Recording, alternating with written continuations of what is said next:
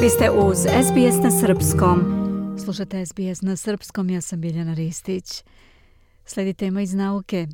Više od 6000 naučnika iz celog sveta koji izučavaju zemljine okeane i njihove međusobno povezane ekosisteme i hemijske i fizičke procese okupilo se od 18. do 23. februara u New Orleansu na najvećoj svetskoj konferenciji okeanologije.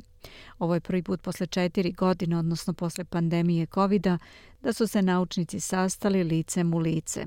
Ključni fokus ovogodišnjeg kongresa je bio na tome kako klimatske promene utiču na cirkulaciju voda okeana. Ovaj kongres poklopio se i sa objavljivanjem studije koje su sproveli okeanolozi sa Holandskog univerziteta u Trehtu i u kojoj se navode dokazi da je atlantska meridionalna cirkulacija na putu burne promene, čak kolapsa, što bi moglo da ima dramatične posljedice po veliki deo sveta. Atlantska meridionalna cirkulacija je sistem površinskih i dubinskih struja u Atlantskom okeanu koje su vođene promjenama atmosferskog vremena i termohalinskim promjenama temperature i saliniteta.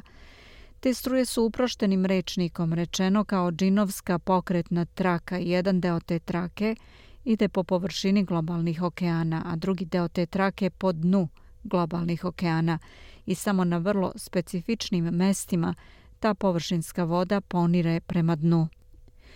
Površinski sloj okeana se prostire na dubini od par stotina metara, a sve dalje do prosečne dubine okeana na 5 do 6000 metara je duboki okean, a površinska voda samo na vrlo posebnim mestima može da se spusti na dno okeana. Na određenim mestima, kada se postigne određena temperatura i salinitet, gde je voda dovoljno hladna i gusta zbog saliniteta, da može da potone do dubine, na tim mestima te površinske struje ili uprošteno površinski deo te pokretne trake se spušta na dno okeana i onda ta struja nastavi da ide po dnu okeana, da bi onda na nekom drugom mestu izronila ponovno na površinu. Na jugu Grenlanda dolazi do konvekcije, vertikalnog poniranja, gde se voda sa površine spušta polako na dno i onda se vraća po dnu Atlantika, pored Evrope, zatim ulazi u Indijski okean i ide skroz u krug oko Antarktika, pa se ponovo pojavljuje u Pacifiku i izlazi na površinu i ponovo vraća u Atlantik. Ta površinska struja tople vode koja ide po Atlantiku iz Golfskog zaliva pored obale Severne Amerike i dolazi do Grenlanda, poznata je kao Golfska struja koja donosi topliju klimu severozapadu Evrope. Razlog zbog kojeg bi EMOK, odnosno Atlantska meridionalna cirkulacija, mogao da stane, bio bi otopljavanje velikog dela Grenlanda, zbog čega će okean primiti puno slatke vode u površinski sloj i promenit će se salinitet. Pošto je za postojanje struje važna kombinacija temperature i saliniteta, ako se ubaci velika količina slatke vode, u jednom trenutku golfska struja može da se prekine, a tako i premeštanje tople i hladne vode. U tom slučaju bi se na severu stvorio džinovski bazen hladne vode u koji više neće pristizati topla voda i onda će u tom delu Evrope temperatura prema pomenutim istraživanjima da padne možda i za 5 stepeni Celzijusa, pre svega zimske temperature. Već duže vreme postoje spekulacije da bi se taj sistem mogao ugasiti.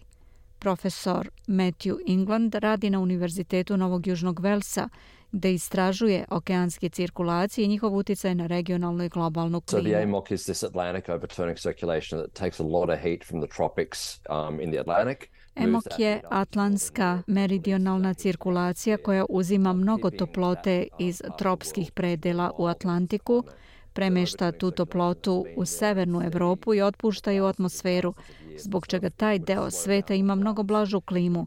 To je preokrenuta cirkulacija koja je tu stabilna hiljadama godina i ako bi se usporila ili ugasila, to bi predstavljalo veliki poremećaj našeg klimatskog sistema, kaže on.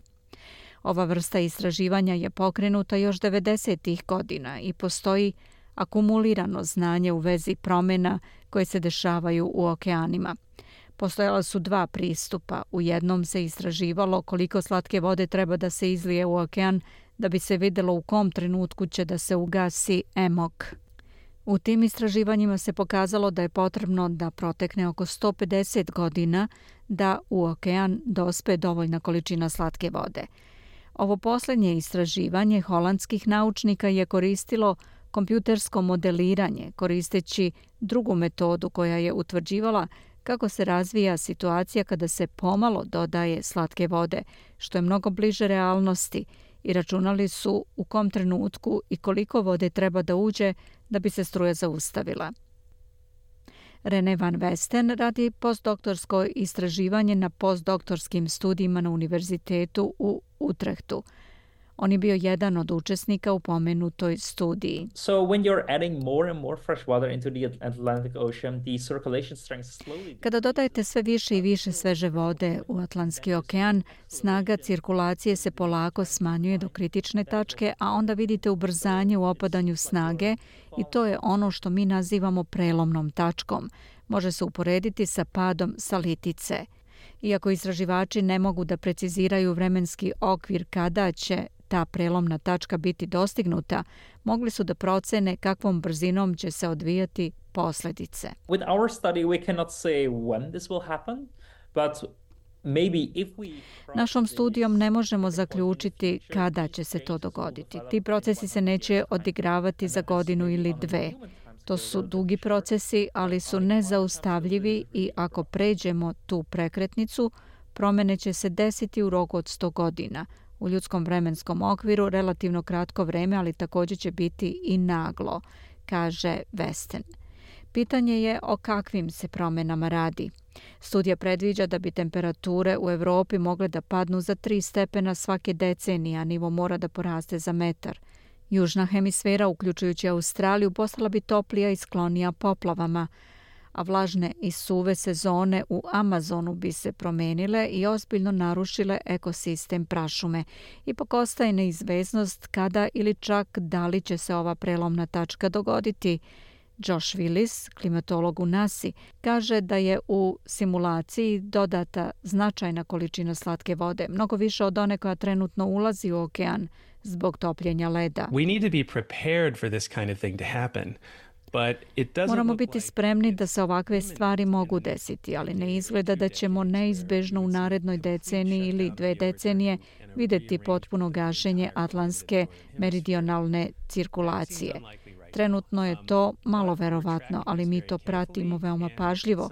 To je nešto na što moramo da pazimo. Upravo ovaj problem bio je ključni fokus skupa okeanologije – koji se održavao u američkom gradu u New Orleansu od 18. do 23. februara ove godine. Profesor Matthew England, koji je bio prisutan na konferenciji, kaže da atlantska meridionalna cirkulacija izaziva brigu i na južnoj hemisferi. Mnogo se govori o ovoj preokretnoj cirkulaciji. Mnogo se radi na proučavanju ponašanja cirkulacije, ima mnogo zapažanja, mnogo simulacija i modela. Dakle, postoji mnogo interesa za ovu preokretnu cirkulaciju u kombinaciji sa drugim temama, kao što su sistem El Niño i La Niña. Također za cirkulaciju oko antarktičke morske margine, jer također imamo preokretnu cirkulaciju izvan antarktičke margine, za koju procenjujemo da se usporava i da će nastaviti da se usporava. Znači vidimo velike, velike promene u cirkulaciji okeana na globalnom nivou, kaže England. Dostizanje prelomne tačke u ovom veku malo je verovatno, ali potencijalne posljedice, kažu naučnici, zahtevaju akciju, piše Abby O'Brien za SBS News. Ja sam Biljana Ristić. Želite da čujete još priča poput ove? Slušajte nas na Apple Podcast, Google Podcast, Spotify ili odakle god slušate podcast.